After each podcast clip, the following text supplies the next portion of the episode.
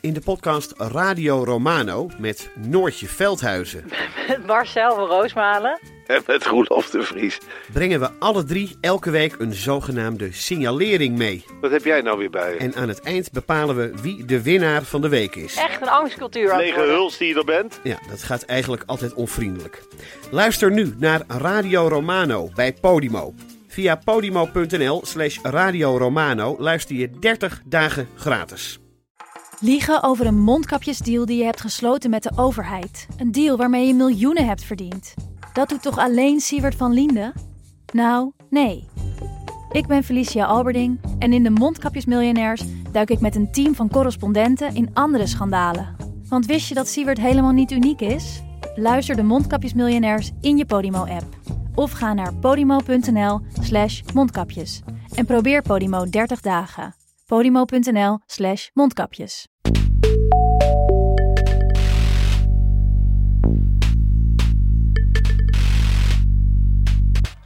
Wat een avond.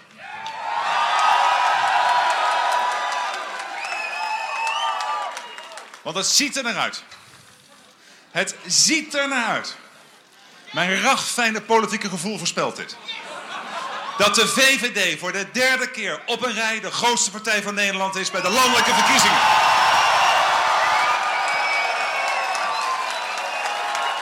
Beste CDA'ers, wat een geweldige avond.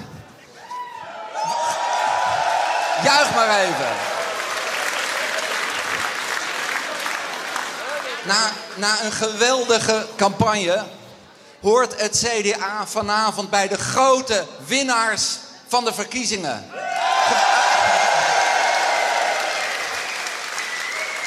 Jullie allemaal en al die mensen in het land die zo ongelooflijk hard campagne hebben gevoerd, van harte gefeliciteerd. Juich maar voor jezelf. Bij de Europese verkiezingen, bij de provinciale verkiezingen, in de gemeentes en ook in de Eerste Kamer is D66 nu al de grootste progressieve partij van Nederland. En vanaf morgen ook in de Tweede Kamer.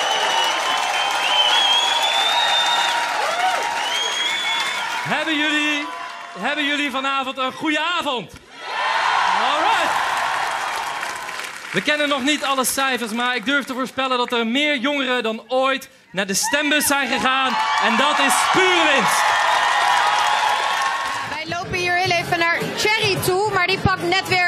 Microfoon. Hij staat te dansen op het podium. Cherry, mag ik je even kort wat vragen? En misschien nog wel meer. Wat is het een geweldige avond. Staat keihard te dansen, moet ik je feliciteren. Ja, natuurlijk.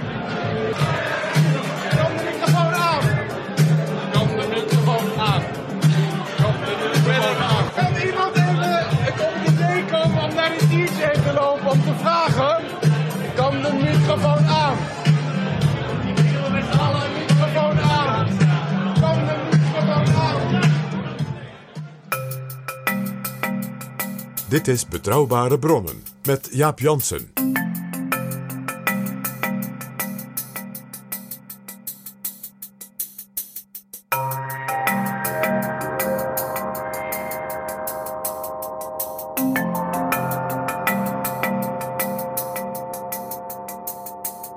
Hallo, welkom in Betrouwbare Bronnen 117 en welkom ook PG. Dag Jaap.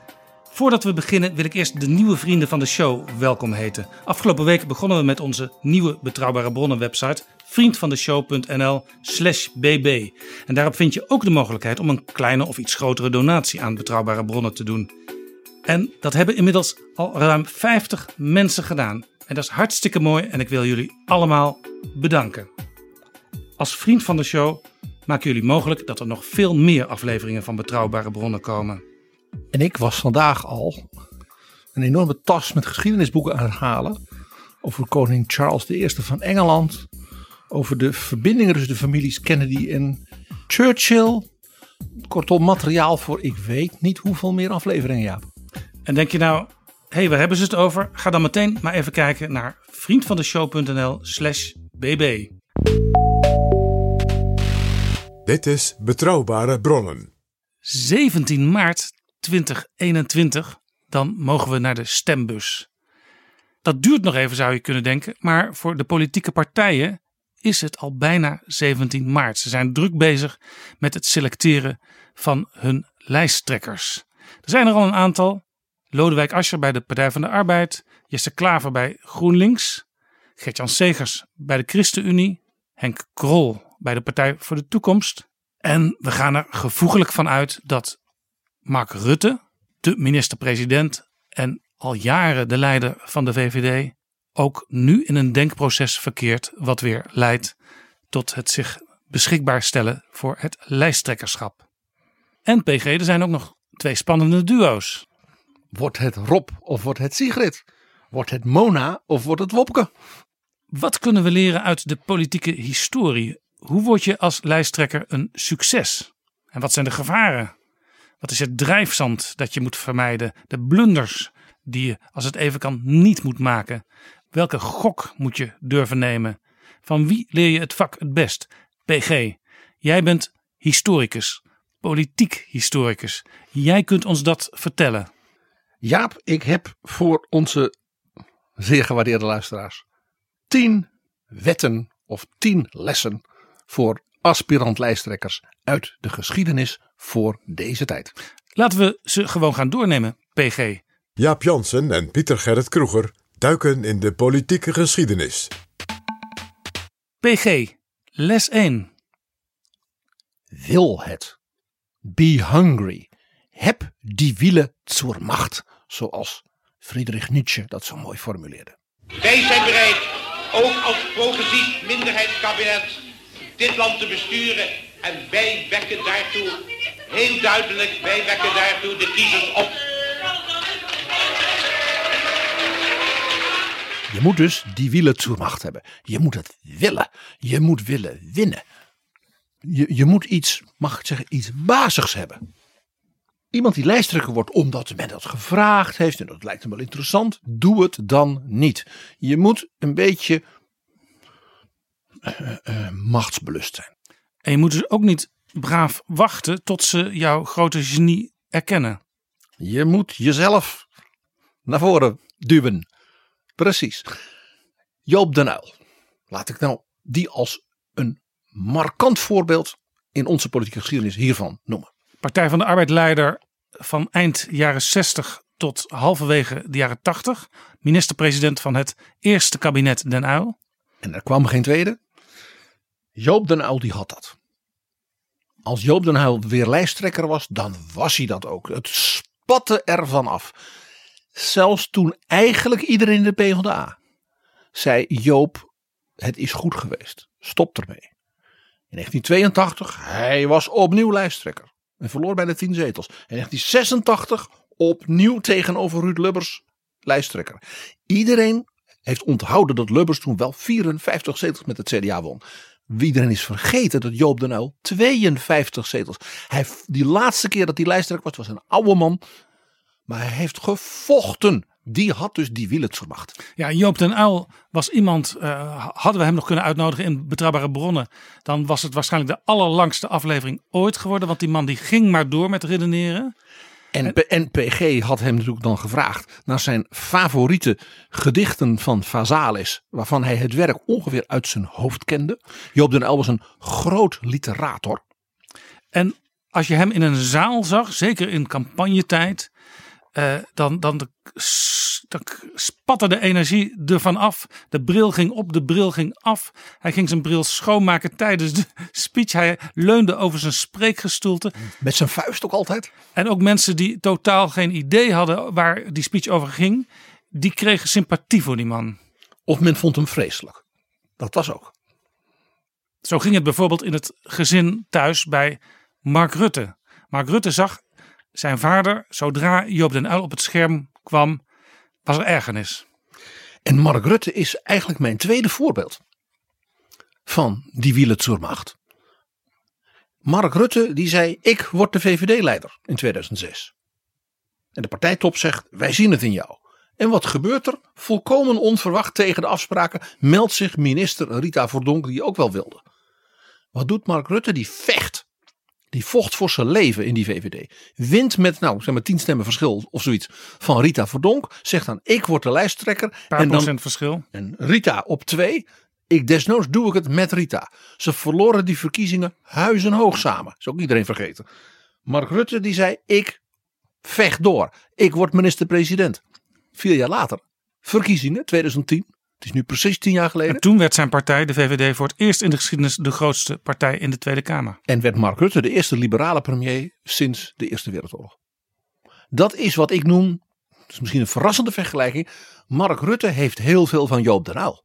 Ja. Dat is wat ik dus noem dat be hungry. Mark Rutte wil het. Joop den Uyl, Mark Rutte. Heb je ook nog een voorbeeld buiten Nederland, PG? Richard Nixon. Richard Nixon. Dat is ook niet het eerste waar je aan denkt als je aan Den Uyl of aan Mark Rutte denkt. Bij Richard Nixon denken wij in Nederland natuurlijk vooral aan de, de smadelijke afgang. Richard Nixon werd als heel jong officier uit de Tweede Wereldoorlog. Ze hebben een Kamerlid in Californië voor de Republikeinse Partij. Werd heel snel daarna senator voor Californië. Een van de allerjongste in de geschiedenis. Ja, senator is in Amerika altijd het hoogste wat je kunt bereiken op het presidentschap na. Ja, het, hoogste was je. En natuurlijk lid van het Hoge Rechtshof. Dat is in Amerika ook. Maar dan word je niet gekozen. En gouverneur van Californië. En gouverneur is ook heel belangrijk, zeker.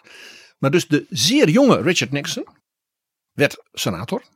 En werd onder generaal Eisenhower in 1952 vicepresident. Toen was hij dus heel jong. Is dat acht jaar geweest. Heeft toen geprobeerd zelf president te worden. Uh, een van de bijnamen van Richard Nixon, en dat was niet een vleiende bijnaam, want hij had ook veel tegenstanders, was de Eternal Campaigner.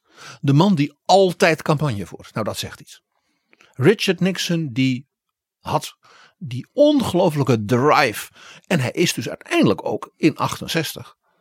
Toen hij al zes keer was afgeschreven, want dat was ook al typerend. Maar hij vocht zich weer terug en werd president. En is, als dat hele gedoe met die Watergate ellende niet was geweest. Had, hadden we waarschijnlijk nu een groot Richard Nixon monument gehad op de Mall in Washington. Is hij de uitvinder van wat ze in Nederland tegenwoordig wel noemen de permanente campagne? Je zou het bijna kunnen zeggen, ja. ja maar het zat in zijn persoon. Maar Richard Nixon, die, dat had te maken met zijn jeugd, met zijn opvoeding. Het was een, een enorme vechter. En had dus ook wat dat betreft weinig zeg maar, scrupules. Dat heeft hem de das omgedaan. Dan was Watergate niet, gebeurd, Watergate niet gebeurd. Dan was Nixon de man die dus hè, de, de, met de Sovjet-Unie deed. Die met China dat deed. Die de oorlog in Vietnam beëindigde. Ja, daar kun je allemaal van zeggen, maar hij heeft het wel gedaan. De grootste verkiezingsoverwinning ongeveer. Met LBJ en FDR van de 20e eeuw. Richard Nixon, daar zou nu een monument voor staan. Kunnen we ons eigenlijk. Dat hij was dus een enorme vechtersbaas. Ja, je moet het dus echt in je hebben. Uh, die vuisten die moeten bij wijze van spreken in de wieg al gebald worden. En dan kun je een heel eind komen in de politiek. Ja, je moet dus een niet geringe geldingsdrang hebben. Wat je dus ook moet doen is dat je vermijdt dat zeg maar in je partij, in de omgeving, dus van ja we hebben niemand anders. Nou laat bijvoorbeeld wat Dries van Acht overkwam in 1982. Van Acht had toen drie kabinetten geleid. Hij was moe, hij wilde niet meer. Heeft de partijtop van het CDA hem gesmeekt. Vanwege de peilingen. En hij was toch zo. Toen hebben ze zelfs een afspraak in het geheim gemaakt. Dat hij dan na een anderhalf jaar weg mocht als premier. Dan zou Jan de Koning zou hem dan opvolgen was het idee. Moet je niet doen. Nee. In datzelfde jaar 82 gebeurde dat ook met Jan Terlouw bij D66. Die werd door de leden vierde op de kandidatenlijst gezet. Toen stuurde hij een briefje. Ik eh, ben niet meer beschikbaar voor het lijsttrekkerschap. Een ander moet het doen. En toen hebben ze echt die nacht nog gesmeekt. Want de volgende dag was het partijcongres. Aan Jan Terlouw, doe het toch. En hij heeft het toen alsnog gedaan. En dat werd een smadelijke afgang van 17 zetels naar heel wat minder terug. Volgens mij 10 eraf. 11. Wordt dus nooit tegen heug en meug lijsttrekker. Dat is de andere kant van die wielertsurmacht. Uh, Jan-Peter Balkenende in 2010. Ja, toen hij uiteindelijk ook heel erg verloor. Vier kabinetten. Ja. Balkenende had zichzelf dat moeten besparen. Die had tegen de CDA-top moeten zeggen. Er komt nu een nieuwe tijd. Vraag Jan Kees de Jager. Vraag Camille Eurlings. Een jonge vent. Ja, die een goed verhaal kan houden. Ik bedank. Maar ja, Balkenende, hij nam zijn verantwoordelijkheid, zoals dat heette. Had hij dus niet moeten doen. Dat geldt natuurlijk ook voor Joop den Uyl in 82. En zelfs ook in 86. Ja, de, de mensen om hem heen, de ministers, die hadden al tegen hem gezegd: Joop, stop er nou mee. Uh, blijf desnoods minister op een departement, maar geef het leiderschap aan een jonger iemand over. En dat gebeurde niet. Wim Kok, die aldoor maar moest afwachten of. Hè? Nou, we hebben het prachtige verhaal van Manis Krop uh, in Betrouwbare Bronnen gehad. Het is ook buiten Nederland een geweldig voorbeeld. Van dat iedereen zei, ja, er is niemand anders. Dat was natuurlijk Konrad Adenauer. Ja, Konrad Adenauer, je hebt daar alles ooit een laudatio over uitgesproken. De Adenauer die met 73 kanselier werd en 14 jaar bleef. En elke verkiezing der alte, hij stond er weer.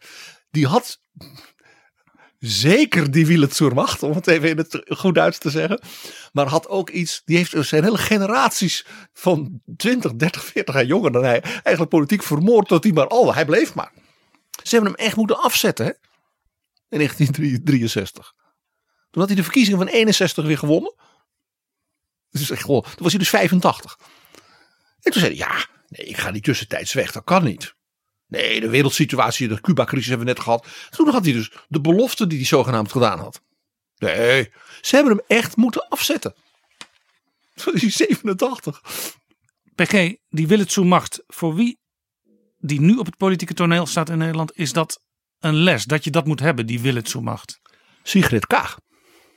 Want? Ik aarzel of zij dat heeft. Ik bedoel, je begint dan even over de WTO. Je zou kunnen zeggen dat is een chique manier om te vluchten. En voor Mark Rutte. Mark Rutte moet nadenken of hij niet zoals Van Acht in 82 en zoals Jan-Peter Balken in 2010, of hij het nog wel heeft. Zelf. Of hij nog voldoende uh, vernieuwing in zichzelf kan vinden om weer vier jaar de leiding van het land te nemen.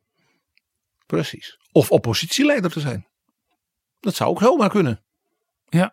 Moet je ook over nadenken. Wil ik dat nog? Ja. Want als je dan zegt, ik was lijsttrekker. Nou kan ik geen premier worden. Nu is het Kamerlidmaatschap en fractieleider zijn mij te min. Dat is niet chic. Les 2. Ken niet alleen je beperkingen. Maak ze je pluspunten. Draai je dus niet omheen als mensen, journalisten, anderen jou proberen te pakken op je beperkingen. En maak die beperkingen assets. Prachtig voorbeeld daarvan is natuurlijk Jan-Peter Balkenende, die zelf het verhaal vertelde dat de zoontje van een van zijn vrienden de poster met Jan-Peter Balkenende als lijsttrekker had gezien. De allereerste, hè, dat was 2001. En had gezegd, dat is Harry Potter. Heel Nederland zag ineens Harry Potter in Jan-Peter Balkenende en hij had het zelf geagendeerd. Toen um, uh, ik ineens wat bekende werd, toen kwam ineens Harry Potter, ook met al die foto's. En toen zei iedereen van, hé, hey, die lijken wel op elkaar. toen hebben heel mensen veel om gelachen, dat vond ik wel leuk. Johan Cruijff, de bekende voetballer, heeft veel gezegd, elk nadeel heeft zijn voordeel. Nou, dat merk je een beetje. Hij had het dus een pluspunt van zichzelf gemaakt. Deze man heeft zelfspot. Deze man heeft humor. Beetje gereformeerde Zeeuwse humor, maar het is humor. Hij kan tegen een stootje en tegen een grapje. Hij weet dat hij eruit ziet als een professortje.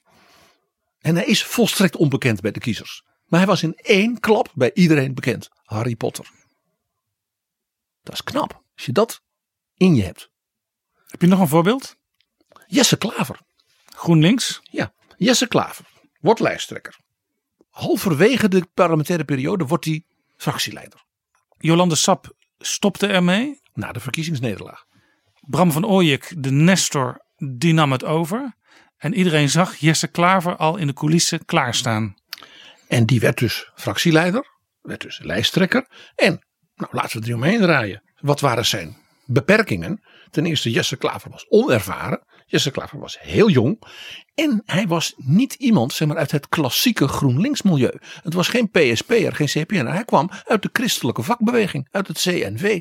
Hij zou zo voor het CDA, als het ware, als een jong iemand, uh, zoals de Julius Terpstra die nu net Kamerlid geworden is. Dat zou zeg maar, een soort Jesse Klaver. Ja, hij, hij was voorzitter van de, de CNV Jongeren. Mocht ook in de SEG deelnemen aan de beraadslagingen. Ja. En hij kwam overigens ook uit uh, dwars de GroenLinks jongeren. Maar inderdaad, hij had niet dat stempel van een van die bloedgroepen op zijn voorhoofd. Exact. En daar maakte hij dus zijn kracht van. Hij ging dus op een heel bewust jonge manier campagne voeren. Dus niet van ik ga nu laten zien dat ik eigenlijk ook wel zo'n oude GroenLinkser ben. Dus ik ga met een checkie uh, lopen demonstreren of zo. Of in, in een afgetrapt uh, jasje. Sterker nog, hij zag er zelfs qua kleding totaal niet uit als de gemiddelde GroenLinkser. Daar denk je toch eerder een trui of een spijkerjack bij. Hij had altijd keurige pakken met dasjes en uh, nou ja, het, het, was, er was allemaal uh, zeer goed over nagedacht. Ja. Maak van je beperkingen je pluspunten. Heb je nog een voorbeeld buiten Nederland van iemand met toch wel beperkingen in het beeld? Die daar zijn kracht van maakte. Ja. Helmoet Kool. Helmoet Kool werd weggezet als een provinciaal uit Rijnland-Pfalz met dat accent van de, van de Pfälzer. Hij was groot en dik, hij werd de Pfälzer Riese genoemd, de, de, de reus uit de Pfalz. Familienpolitiek. Ja, laat zeggen, het betere Duitsland. Uh, ja, de intellectuelen, de, de, de, mensen die het goed getroffen hadden, die vonden die Kool uh, verschrikkelijk. En die emotionele toespraken van hem over het gezin en het vaderland. Helmoet Kool bleef helemaal zichzelf. Die ging dus niet zich veranderen. En een heleboel gewone Duitsers die dachten: ik praat ook met een accent. Uit Baden, uit Bayern, uit Niedersachsen, uit Oost-Friesland. En die vonden Helmoet Kool eigenlijk wel herkenbaar. Het was een beetje zoals de buurman dat Helmoet Kool gepromoveerd was als historicus. En een zeer succesvolle minister-president was geweest. Daar hadden ze het dus niet over. Dat die man dus een enorme hoeveelheid bagage meebracht. Men zag die grote, dikke Pfälzer provinciaal. En hij wist dat dus om te smeden tot iets waardoor de Duitsers dachten. Maar het is een betrouwbare man. Zo iemand als onze gewaardeerde buurman. En hij werd uiteindelijk langjarig Bundeskansler. De eeuwige kansler. En ook een historische figuur bij de val van de muur en de hereniging van de beide Duitslanden. En de vorming van de Europese Unie. Zoals Elmar Brok hè, zo mooi tegen ons zei. Drie mensen hè, die in de geschiedenis wat dat betreft staan. Dat is François Mitterrand, Jacques Delors en Helmut Kool. Je had bij les 1 een, een les vooral ook voor Sigrid Kaag van D66. En voor Mark Rutte. En bij les 2 ken je beperkingen, maak ze je pluspunten. Voor wie heb je hier een les? Dat is natuurlijk Rob Jetten, allereerst. Je bent 31 jaar, is dat niet heel erg jong? Bent u niet te jong? Even, uh, hij is jong. Is het nou de jongste fractievoorzitter ooit? Met zijn 31 jaar, want zo jong is hij nog. Ja, hij is 31, hij is echt jong. Hij is jong. Ik zag het en ik dacht, uh, dit is erg jong. Rob Jetten is heel jong. Uh, wordt zeker in social media permanent afgefakkeld buitengewoon onaangename manier ook vaak. Is homo, is ook lastig. Laten we er niet omheen draaien. Dus Rob Jetten, die moet doen, zeg maar wat Klaver deed. En zeker wat Jan-Peter Balkenende deed. Maak van dat eigenaardige wat je hebt. Dat wat aparte, dat waar mensen blijkbaar. Uh, maak daar je pluspunt van. Weet hij dat hij dat moet doen, want hij heeft zijn bril al uh, afgezet. Ja, ja, daar ga ik niet over. Ik zit niet in het campagneteam. Maar ik, ik hoop en verwacht dat Felix Klos wel eens luistert naar betrouwbare bronnen. Les 3. Pak je thema. Pak je thema. Als je lijsttrekker wordt, dan krijg je een verkiezingsprogramma van het partijbestuur. Dat is op het congres behandeld, er zijn amendementen ingediend. In Nederland moet één JSF minder kopen en allemaal dat soort dingen. De uitkeringen mogen met maar 2% omhoog. En, uh, je snapt wat ik bedoel. En we gaan nog iets sneller verduurzamen dan we al van plan waren. Maar dat is dus niet waar ik het over heb. Een lijsttrekker moet een thema hebben. Dat, waarbij iedere burger, kiezer, zegt: daarom is zij de partijleider van die club. En dus ook dat thema aan die persoon koppelen. Juist. Mag ik een voorbeeld geven? Job Cohen, lijsttrekker van de Partij voor de Arbeid in 2010. Het was duidelijk voor iedereen, behalve het CDA, dat Jan-Peter Balkenende op was. Ja. Ja, laten we er niet omheen draaien. Oppositieleider Mark Rutte had natuurlijk een verdeelde VVD. Hè, met de Rita-vleugel en al het gedoe. En de Partij van de Arbeid kwam met de burgemeester van Amsterdam. En wat was dus het thema van Job Cohen? Dat was hij is het ultieme safe pair of hands. Ja, ja, dus geen inhoudelijk programma. Dat was er wel, maar dat was niet het beeld bij Cohen. Bij Cohen was gewoon een rasbestuurder die ook nog een zekere rust in het geheel brengt. Een fatsoenlijke man en iemand met diepgang. Dat was het. En ook iemand die, die thee drinkt, dat was het cliché. Met alle lagen van de bevolking. Die dus als burgemeester van zo'n hele moeilijke grote stad met iedereen om kon gaan en in die hele stad bij links en rechts en bij wit en zwart hoogelijk gewaardeerd werd. Job Cohen was lijsttrekker en eigenlijk, je zou zeggen, hij was lijsttrekker om onderkoning te worden. Ja. Vicepresident van de Raad van State. Ik vind het interessant, want jij noemt zijn naam. Het is hem natuurlijk niet gegund geweest uiteindelijk. Maar als je naar de verkiezingsuitslag kijkt van 2010. Toen, toen kwam er het eerste kabinet Rutte. Maar het scheelde maar één zetel, twee zetels. Of Cohen was de leider geweest van de grootste partij. Het interne onderzoek van het CDA naar de uitslag van de verkiezingen was heel interessant. Het CDA was dus gehalveerd. Hè?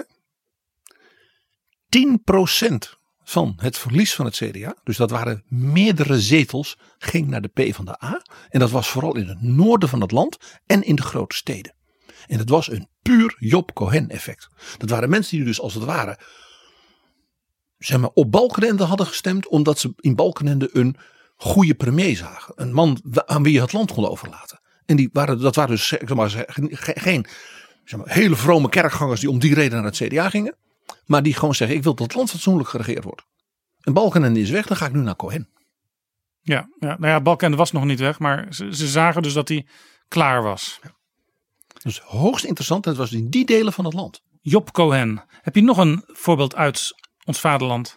Dries van Acht.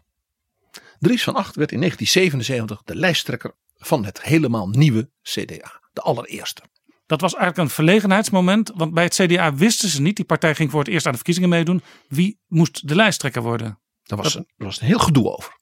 En het werd dus uiteindelijk vicepremier, minister van Justitie, Dries van Acht. En die had ook een verkiezingsprogramma.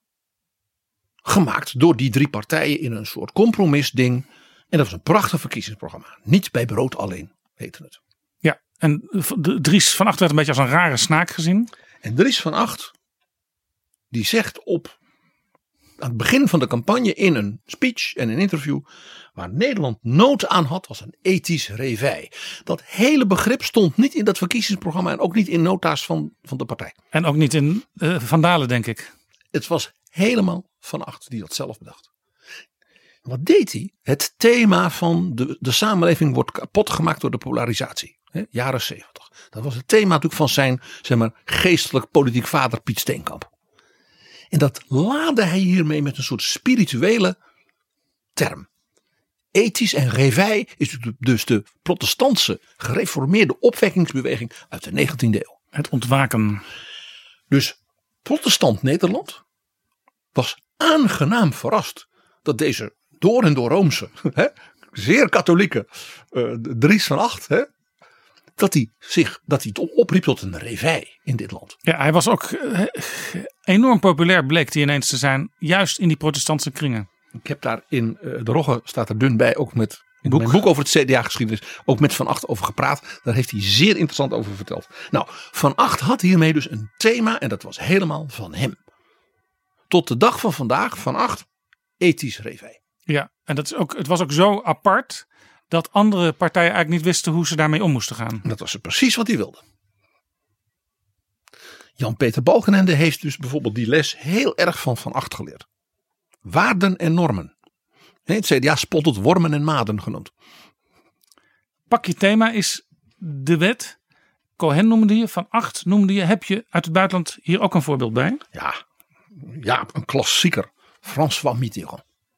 De Franse president. Die in 74 de verkiezingen verloor. En in 81, hè, toen had je nog een Franse president, had een termijn van zeven jaar. Ja, dat had de Gaulle voor zichzelf bedacht. En toen kwam hij terug. En het was een heel andere François Mitterrand. Hij had zichzelf heruitgevonden van een scherpe, felle, linkse, uh, flamboyante spreker. Daar stond een staatsman. En zijn poster was heel beroemd. Dan zag je een soort landschap, wat licht mistig. Het Frankrijk van het platteland, beeldschoon. En daar stond alleen maar La Force Tranquille, de rustige kracht. François Mitterrand presenteerde zich als. Hij was wel nog geen president, maar hij was. Het, het was alsof hij aan zijn tweede termijn begon. Hij was de staatsman Mitterrand. Zeer gedurfd. Pak je thema. Welke Nederlandse politicus kan hiervan leren? Stel nou dat Wopke Hoekstra de lijsttrekker van het CDA zou worden. Ik zou dan van Wopke willen horen waarom. Wat is het thema van Wopke Hoekstra? Dat weten we nog niet. Nee, hij is minister van Financiën. Nou, dat, dat geeft al een soort lading aan de man. Maar bijvoorbeeld zijn gesprek met jou en mij over zijn Humboldt-reden in Berlijn. Je zou bijna zeggen, nou daar zitten wel tien thema's voor Wopke in. Dus dan zeg ik, welke daarvan wordt het? Les 4. Les 4 is, u kent mij. De les is, u kent mij. Merkel die in het slotdebat voor de Bondsdagverkiezingen van 2013 tegen de Duitse kiezers zei: Sie kennen mich. U, u weet wie ik ben. Ongelooflijk sterk is dat. Sie kennen mich und Sie wissen, was ich anpacken möchte und wie ich das mache. Und wir hatten vier gute Jahre für Deutschland und ich möchte, dass auch die nächsten Jahre gute Jahre werden. Wir können das nur gemeinsam schaffen, erfolgreich zu sein.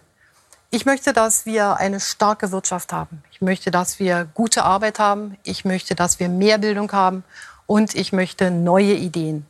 Gewiss möchte ich nicht höhere Steuern und neue Belastungen. Ich möchte ein Deutschland, das als größte Volkswirtschaft Europas sich dafür einsetzt, Mittler und Partner zu sein, gerade jetzt in Zeiten der Krise. Ich möchte ein Deutschland, das sich so darstellt, dass es die Stärkeren den Schwächeren helfen, dass diejenigen, die etwas leisten, auch wirklich belohnt werden und dass wir unseren Kindern die besten Chancen bieten. Wenn Sie möchten, dass ich auch weiter als Ihre Bundeskanzlerin arbeiten kann, dann bitte ich Sie um Ihre Unterstützung und Ihre beiden Stimmen für die CDU. Wir können das alles nur gemeinsam schaffen. Dat was Merkel. Je zegt eigenlijk tegen de kiezer: wij kennen elkaar. En ook interessant omdat elke kiezer heeft natuurlijk een iets andere kijk op zo'n mevrouw, op zo'n bondskanselier. Dus dat hoeft verder niet op dat moment ingevuld te worden, want dat hebben de mensen zelf al gedaan. Juist. Er is dus een connectie tussen die kiezer en deze politieke leider. En dat is iets, bijna iets mystieks. U kent mij. Bij welke leider in Nederland hebben we zoiets gezien? Ja, het voorbeeld is natuurlijk Ruud Lubbers. Oh, je bedoelt laat Lubbers zijn karwei afmaken uit 1986. Exact. Briljant. Dat Briljant dus, gedacht. Iedereen zag die Lubbers, die is druk bezig met dat premierschap. Er was ook wel een zekere waardering bij veel mensen. Toen kwam die poster, laat Lubbers zijn karwei afmaken. En toen dachten heel veel mensen, ah, zo gek nog niet. En ook zo'n echt Lubbers woord, zo Rotterdams, karwei. En Lubbers die had een karwei. Lubbers die trok en die economie moest beter. En die, de kruisraketten moesten worden opgelost. En Lubbers was briljant en creatief, bijna angstig creatief. En die, hij was miljonair, maar hij gaf geen geld uit. Een zuinige Hollander. Lubbers was iemand waarvan dus de kiezer zei: Ik weet van die, van die vent wat ik aan hem heb. Die zit daar niet voor zichzelf.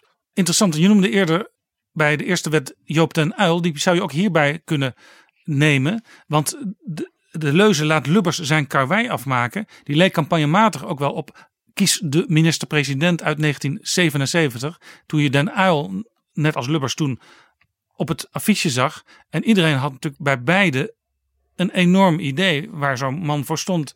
En ze zagen ook hoe die zwoegde. Met één verschil, Jaap. Joop den Uyl werd niet de minister-president in 1977. En daarom dat ik dus met nadrukkelijk hier Lubbers noem. Want bij Lubbers dat klikte zozeer dat er nog nooit zoveel kamerzetels ja, naar een partij gingen als het CDA onder leiding van Ruud Lubbers, zowel in 86 als in 89. En dat is en blijft een prestatie van groot formaat. Heb je nog een voorbeeld van U kent mij? Wim Kok. 1998. Na zijn eerste kabinet. Wim Kok straalde uit. Niet, dit is een rode vakbondsman die staat uh, hè, te eisen te dit, te eisen te dat. En anders gaan we staken. Nee, Wim Kok was een soort vader des vaderlands aan het worden. Het affiche was ook heel eenvoudig. Kies Kok. Niet kies de minister-president. Niet laat Wim zijn karwei afmaken. Kies Kok. Kies voor die man. Ja? Sie kennen mich. U weet wat u aan deze man hebt. Voor wie die op dit moment het politieke toneel betreedt, is dit een les? Twee mensen. Ten eerste Lodewijk Asscher. Partij van de Arbeid. Want wat, wat, wat weten wij nou van Lodewijk Asscher? Hij was als vicepremier van het kabinet uh, Rutte 2 een lijsttrekker verantwoordelijk voor de grootste nederlaag van een politieke partij van na de oorlog. En als wethouder in Amsterdam heeft hij vooral heel veel gaten achtergelaten. Ja, ik zeg het wat onaardig. Hij moet zich dus nog, nog veel meer laden. Ja. En nog iemand. Henk Krol. Dat wel, gaat een beetje ver. PG dat je Asscher en Henk Krol in één adem noemt. Ja. Maar voor Henk Krol is dit lastig. Partij voor de toekomst. Ja, u kent mij. Dan zegt iedereen ja, inderdaad. Les 5. Don't do stupid shit. Don't do stupid shit is de les. Dat is het, de leuze, het campagnemotto van die spijkerharde politicus uit de Democratic Machine van Damer, Richard Daley. Dus we hebben het over Barack Obama. Don't do stupid shit. Dus als je campagne voert, laat je niet afleiden. Ga geen gekke dingen doen dat je denkt, waarom doe je dit? Don't do stupid shit. Is dit wat Jack de Vries wel eens noemt de nul houden? Oh, ja. Ja, dat is een voetbal, hè? Nou ja, dat je in ieder geval zelf niet zorgt dat dingen misgaan. Dan kom je al een heel eind. Want de anderen zorgen wel voor de onrust. Voor het gedoe. Zoiets, ja. Zou ze een voorbeeld geven van een Nederlandse lijsttrekker. Die zich hier niet helemaal aan, hield. Berend Jan Udink. Ja, die was van de Christelijke Historische Unie en die ging op de Dam zitten in Amsterdam met fotografen erbij. Zette een pruik op. Om te laten zien dat ook als je lang haar had, dat je dan toch verstandige opvattingen kon hebben. Terwijl de, de, de CHU, dat was wel, die werd wel gezien als een van de conservatiefste partijen die natuurlijk totaal niks met hippies had. En die ging daar zitten. Dat was een hele nette partij. Een hele nette, vooral hervormde Nederlanders. De partij van Johan Wilhelm van Hulst, wil ik toch even noemen. Een van de allergrootste helden van dit land. Maar goed, het, het was raar. U denkt met een pruik op op de dam. Hij maakt ze volstrekt belachelijk. Don't do stupid shit. Wie, wie, wie heeft die wet nog meer geschonden? Ja, het is dezelfde partij. Jan-Peter Balkenende. Oh, het CDA. Ja. In 2010. We hadden het er al even over. Hij had geen verhaal meer. Hij ging zijn kabinet met Wouter Bos niet verdedigen. Dus waarom, waarom ja. En toen ging hij ook nog in het slotdebat tegen een mevrouw die hem ondervroeg zeggen: U kijkt zo lief. Die man was dus gewoon de weg een beetje kwijt, om maar even onaardig te zeggen. Meneer Balkenende, we hebben het vanavond al een paar keer gezegd. Hè, deze verkiezingen gaan bij uitstek over de economie. Welke drie partijencoalitie is wat u betreft het beste voor onze economie? En u dacht dat ik dat hier ging zeggen? Ja. Het is een goede vraag, maar ik ga over het antwoorden. Ik zal dit erover zeggen. Als wij Nederland door deze moeilijke periode heen loodsen, dan zul je de moed moeten hebben om te hervormen, verantwoord hervormen, om de zaak financieel op orde te krijgen. En dan moet je niet een beleid kiezen waarin je de zaken vooruitschuift, zoals de PvdA doet, of saneert als de VVD. Maar meneer dus Balkenende. CDA liefst zo groot mogelijk. Ja, dat, dat kan ik. Dat is toch eh, helder? Dat is heel helder. Maar het is toch niet zo'n gekke vraag. Ik vraag u niet welke u wilt, Ja. maar welke het beste is. Ja, maar ik ga eh, zeker eh, voor de verkiezingen. eh, is het zo dat je eerst het woord laat aan de kiezer zelf. De We zeggen partijen- dat het het belangrijkste onderwerp is. Eh, Maar het is wel zo dat op het ogenblik de kernvraag zal zijn: welke partij is in staat om Nederland door deze moeilijke fase heen te loodsen? Er is zoveel te doen. Maar En weet dat- u welke partij het beste is voor de economie? Ja? Ja. Maar ik Ja. noemde een drie-partijencoalitie. Weet u het? Ik eh, weet welke partijen willen hervormen. Ik heb ook aangegeven dat je soms ook kunt doorslaan. En waar mij nu om gaat is dat wij een beleid voeren dat Nederland sterker maakt. Dat banen worden gecreëerd. Dat we de overheidsfinanciën op orde krijgen. Dat is de agenda wat om gaat. En ik hoop ook dat mensen die vraag zich zullen stellen als straks op 9 juni de stem Welke drie partijen, meneer Balkenende? U kijkt zo lief. Oké, u garandeert.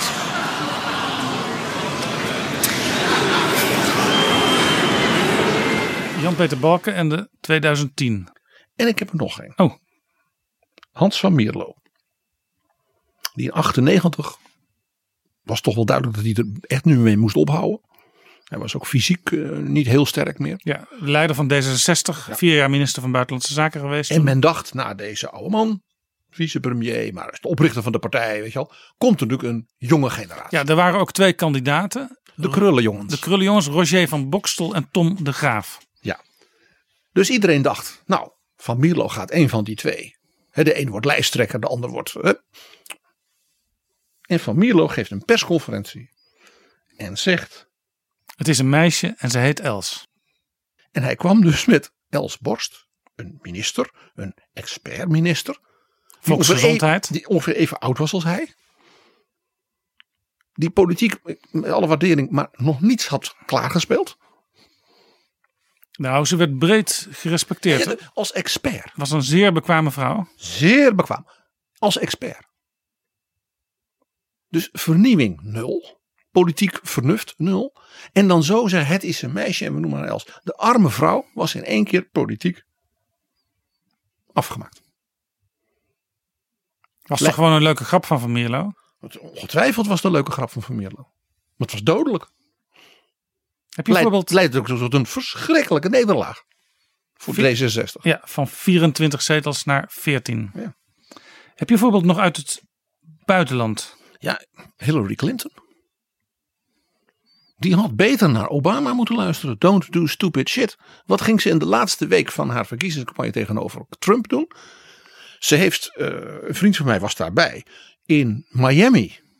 Een enorm, eh, in een stadion met Beyoncé en wat al niet. En ze is niet meer op bezoek geweest in die hele campagne in Wisconsin. Ja, dat is een wat saaiere staat dan minder hip Latino en dan Beyoncé en Miami. Maar ze verloor de verkiezingen in Milwaukee. Ze verloor de verkiezingen in Detroit. Ze verloor de verkiezingen in Pittsburgh. Ja, ze had dus moeten gaan naar de staten waar het erom hing. Waarvan ze dachten, die winnen we wel. En ze deed nog iets. Ze noemde de kiezers die naar Trump gingen a bunch of deplorables. Dat is in een toespraak, eh, heeft ze gezegd, zoiets. generalistic. You could put half of Trump supporters into what I call the basket of deplorables. Right? The racist, sexist, homophobic, xenophobic, Islamophobic, you name it. Obama heeft een keer gezegd dat de kiezers van Romney, dat hij alleen maar op Romney stemden omdat ze guns and God wilden houden. Ja, maar dat is ook toch niet, handig. Ook niet verstandig. Maar dit is echt stupid shit. Dus je, je verkiezingscampagne uit je handen laten vallen. Door gewoon op de verkeerde plekken. Onaardig gezegd bij de verkeerde kiezers. eh, eh, met Beyoncé en zo'n nou, een Nederlandse vriend van PG. Hartstikke leuk natuurlijk.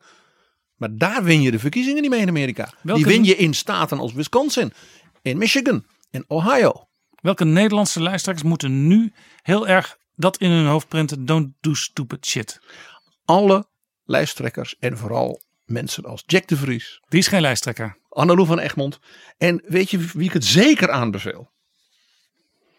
Freek Jansen. Je noemt nu de mensen die vaak achter, schuin achter de lijsttrekker staan, net buiten beeld. Jack de Vries, nu weer bemoe- bemoeienis met de campagne van het CDA. Annelou van Egmond, die binnen D66 altijd een belangrijke rol speelt bij het voorbereiden van campagnemomenten, De, speeches. verkies, de, de verkiezingschefin was van de alle Europese liberalen. En Freek Jansen, de politiek assistent van Thierry Baudet. Die met zijn uitlatingen regelmatig deze wet lijkt te schenden. Ja, want hij is ook voorzitter van de jongeren van Forum voor Democratie.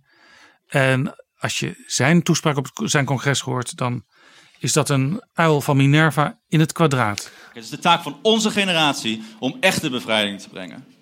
Wij moeten een antwoord bieden op Clown World, de geleidelijk alle facetten van ons leven binnendringt.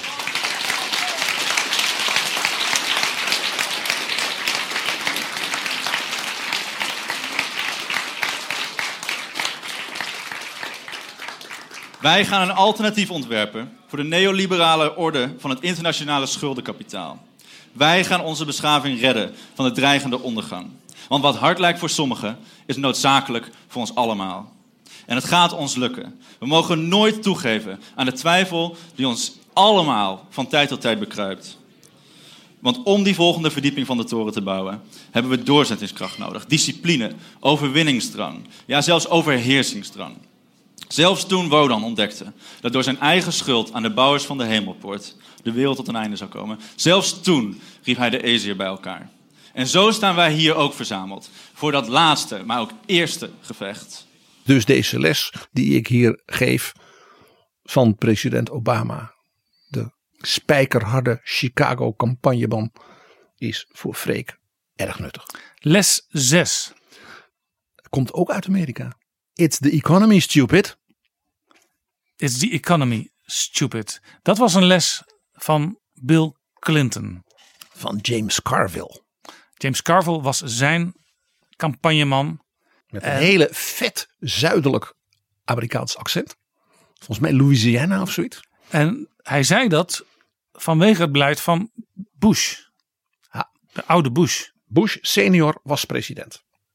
En zijn tegenkandidaat was de gouverneur van het staatje Arkansas. En het motto van de staat Arkansas heet Thank God for Mississippi. Want alleen Mississippi is armer en achterlijker in Amerika. Staat dat op de bumpers? Nee. nee, nee. Goed. Oh, dat is leuk. Nou, in, ik dacht uh, dat je Florida zie ik gewoon de Sunshine State overal. Maar daar, daar, zeggen ze thank God for Mississippi. Want anders stond Arkansas bij alles onderaan. En James Carville die zei campagne voeren tegen George Bush. De vicepresident van Ronald Reagan. De president die de Duitse her hereniging zo knap heeft begeleid. Die met Gorbachev ja, zo knap dat heeft gedaan. Die Desert Storm met Stormen Norman Schwarzkopf en Colin Powell. Die Saddam Hussein heeft verslagen en Kuwait heeft bevrijd. Daar kun je niet van winnen. Tenzij. Je moet het dus niet hebben over al die dingen. Je moet maar over één ding hebben. It's the economy, stupid. Het gaat om de economie, sukkel. Ja, want de mensen keken naar hun portemonnee. Ze dachten aan hun baan. En president Bush werd hooglijk gewaardeerd als president en verloor die verkiezingen huizenhoog. Omdat James Carville zei, hè, met zijn war room, we gaan maar één ding doen, we gaan het hebben over de economie. Over banen, over salarissen, over uh, de, de, studieschulden van de mensen. En dat ze dan, de, hun kinderen dan een, een rotbaantje hebben, dan kunnen ze die schulden niet afbetalen. En maar over de economie, de economie. En er was een beetje een soort recessieachtig iets. En die ging eigenlijk best weer goed in dat najaar. Maar eigenlijk pas de, de economie pikte weer op in januari, februari. Maar ja, de verkiezingen waren in november. You know people who lost their Well, jobs yeah. and lost their homes? Uh-huh. Well, I've been governor of a small state for 12 years. I'll tell you how it's affected me. Every year, Congress and the president sign laws that makes us, make us do more things and gives us less money to do it with. I see people in my state, middle class people, their taxes have gone up in Washington and their services have gone down, while the wealthy have gotten tax cuts. I, I have seen what's happened in this last four years when, in my state, when people lose their jobs, there's a good chance I'll know them by their names. When a factory closes, I know the people who ran it. When the businesses go bankrupt, I know them. And I've been out here for 13 months, meeting in meetings just like this ever since October, with people like you all over America. People that have lost their jobs, lost their livelihood, lost their health insurance. Mm-hmm. What I want you to understand is the national debt is not the only cause of that. It is because America has not invested in its people. It is because we have not grown. It is because we've had 12 years of trickle down economics. We've gone from first to 12th in the world in wages. We've had four years where we produced no private sector jobs. Most people are working harder for less money than they were making 10 years ago. It is because we are in the grip of a failed economic theory. And this decision you're about to make better be about what kind of economic theory you want. Not just people saying, I'm going to go fix it, but what are we going to do? What I think we have to do is invest in American jobs, American education, control American healthcare costs, and bring the American people together again. It's the economy stupid. Wie heeft in Nederland die les toegepast? Jan-Peter Balkenende. In 2002 toen die aantrad? En in 2003. Twee verkiezingen achter elkaar. Dat is iedereen vergeten. Jan-Peter Balkenende won die verkiezingen dankzij de economie. De paarse jaren waren het jaren van grote voorspoed. En men dacht, er komt alleen maar meer. Lastenverlichting, hè, dankzij Gerrit Salm. Ja, acht jaar paars hadden we gehad. Ja. En toen kregen we de zogenaamde dotcom recessie. Dus het instorten van de eerste grote internethype. De bubbel. En 9-11. Dat ook leidde tot een enorme economische klap. Ja, de aanval op de torens in Amerika. En Jan-Peter Balkenende heeft dus als kersverse aanvoerder van het CDA, die niemand kende, allemaal toespraken gehouden over de economie. Want Jan-Peter Balkenende was de woordvoerder financiën van het CDA. Was een hoogleraar op het gebied van de arbeidsmarkt onder andere. En het christelijk sociaal denken. Dus die hield toespraken over hoe de WHO moet worden hervormd en wat dan niet. Achteraf, dat is ook zo boeiend hè, van de politieke geschiedenis, heeft men Jan-Peter Balkenende natuurlijk bestempeld als de man van waarden en normen. Zeker. Maar die verkiezingscampagne ging over de economie. En de kiezers in Nederland dachten, ja, Pim Fortuyn, dat is natuurlijk al wel heel spannend en uh, flamboyant. Maar ja, hmm. Als je die man nou de economie moet laten redden. Nou, Ja. Ed, Ad Melkert en eh, Dijkstal, PvdA en VVD. Ja, die hadden acht jaar lang het gedaan. En er was nu een recessie en het ging helemaal niet goed. Dus Balkenende als hoogleraar, met die ingewikkelde toespraken over de financiën en de economie en de sociale zekerheid, heeft dus de les van James Carville toen toegepast. It's the economy, stupid.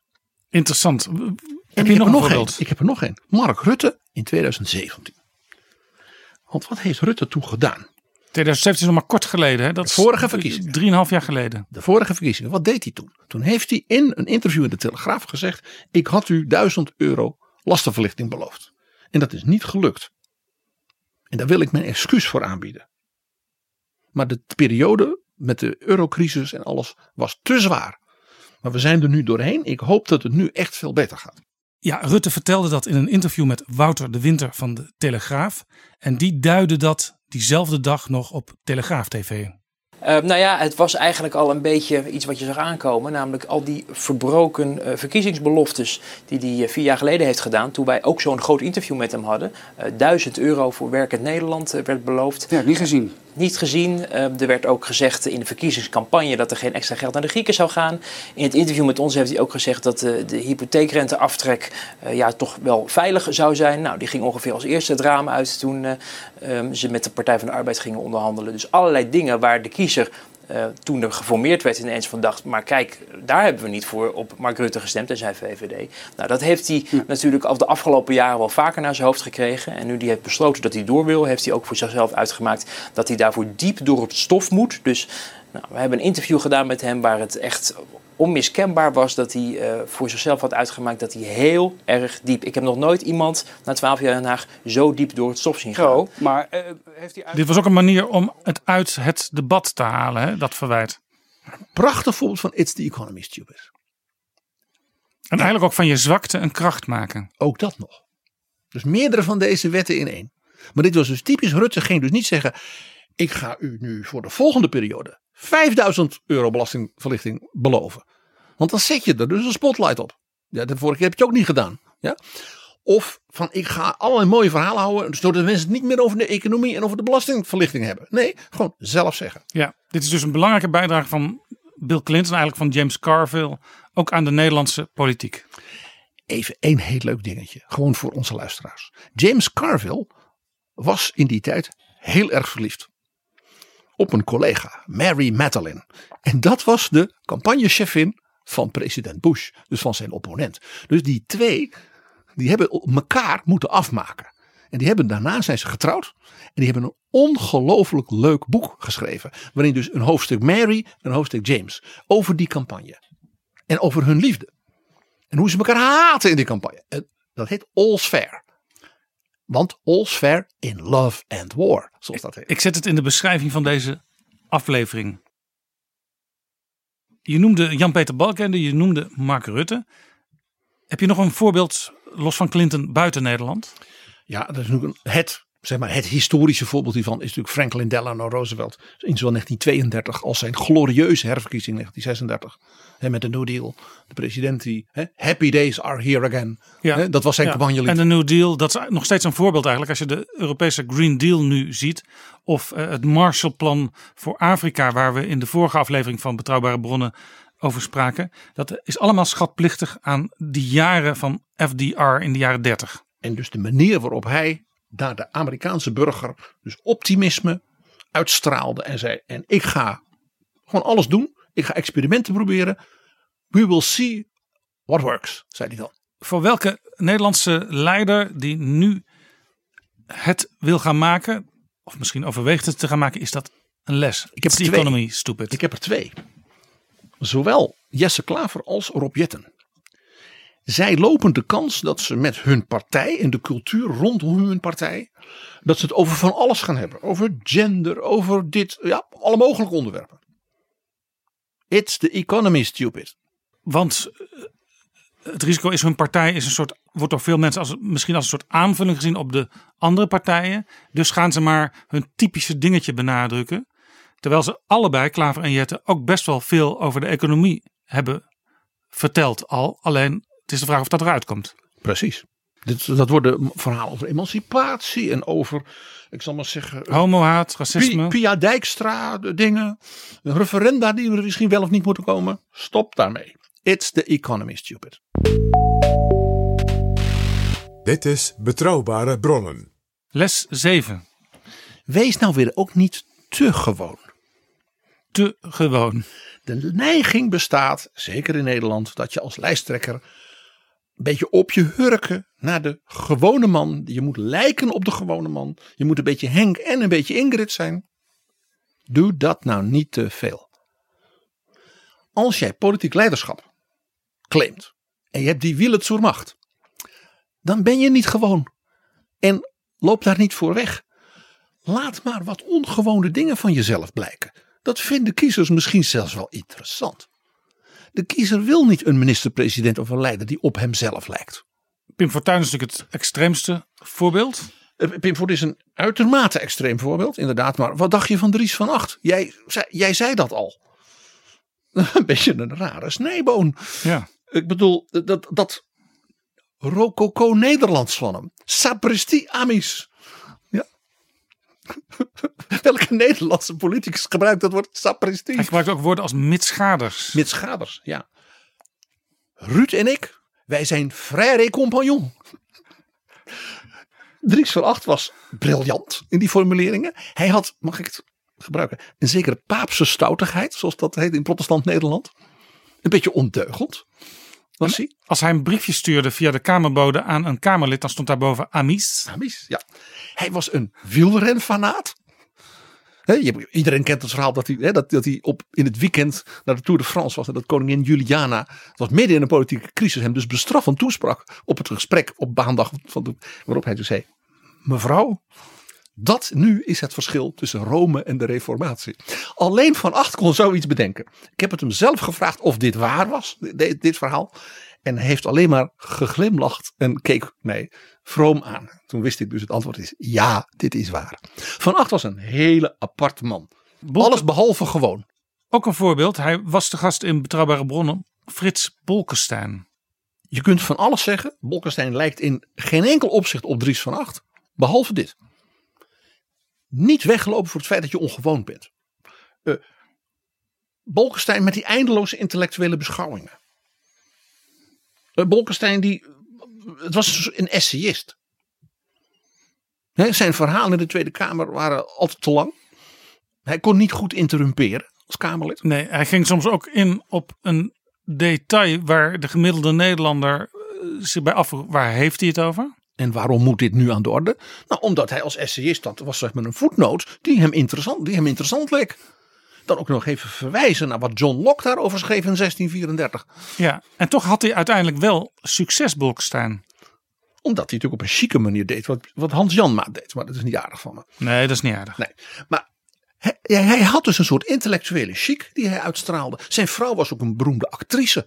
Femke Boersma. Ja, en dan deed hij dus niet van nou die, die nee, dat Hij, hij schreef ook zelf graag eh, toneelkritieken. En, ja. Wees niet te gewoon. Je zult verrast zijn hoe de, hoe, de, bu- hoe de burger dat stiekem best waardeert. Wie heb je nog als voorbeeld buiten Nederland? Ja, ik vind het mooiste voorbeeld altijd Barack Obama. Een hoogleraar staatsrecht. Hoofd, ja, eh, hoofdredacteur van het blad van de slimste studenten van Harvard. En zwart. De Harvard Law Review. En zwart. En geboren op Hawaii. Ik bedoel, als er nou iemand niet president zou kunnen worden, qua profiel, is het Barack Obama. Heeft Barack Obama, is hij nu gaan doen, nou ik ga hem een beetje gewoon doen? Nee. Wie moet uitkijken in Nederland dat hij niet te gewoon gaat doen? Ik vind dit een les voor Wopke Hoekstra. Wopke Hoekstra. Ik ken die jongens van het CDA een beetje, zoals je weet, ja. Die gaan misschien wel weer zeggen, ja, de gewone man in het land. Wopke Hoekstra moet daar niet te veel naar luisteren als hij lijsttrekker zou zijn. Wopke Hoekstra is een briljante student, voorzitter van Minerva. Heeft in Berlijn gezeten, heeft in Frankrijk gestudeerd aan het topinstituut. Eh Wopke is een uiterst sportieve vent. Eh, nou, bokser ook. Bokser. Eh, Hoekstra ja, speelt gewoon op gelijke voet met Mark Rutte in Europa, in de G20 en wat dan niet. Nou, we weten hoe een man als Peter Altmaier over hem denkt. Hoekstra moet dus niet te gewoon willen doen. Ja, hij moet dus af en toe even nadenken bij wat zijn campagnemensen hem influisteren. Is dit wel de juiste aanpak? Dat moet je altijd. Les 8. Les 8. Met mij telt Nederland weer mee. Met mij telt Nederland weer mee. Een leider, een minister-president of een aspirant minister-president moet uitstralen. U maakt mij de aanvoerder van dit land. En ik zal ervoor zorgen dat de stem van Nederland ook gehoord wordt. Mooi voorbeeld natuurlijk.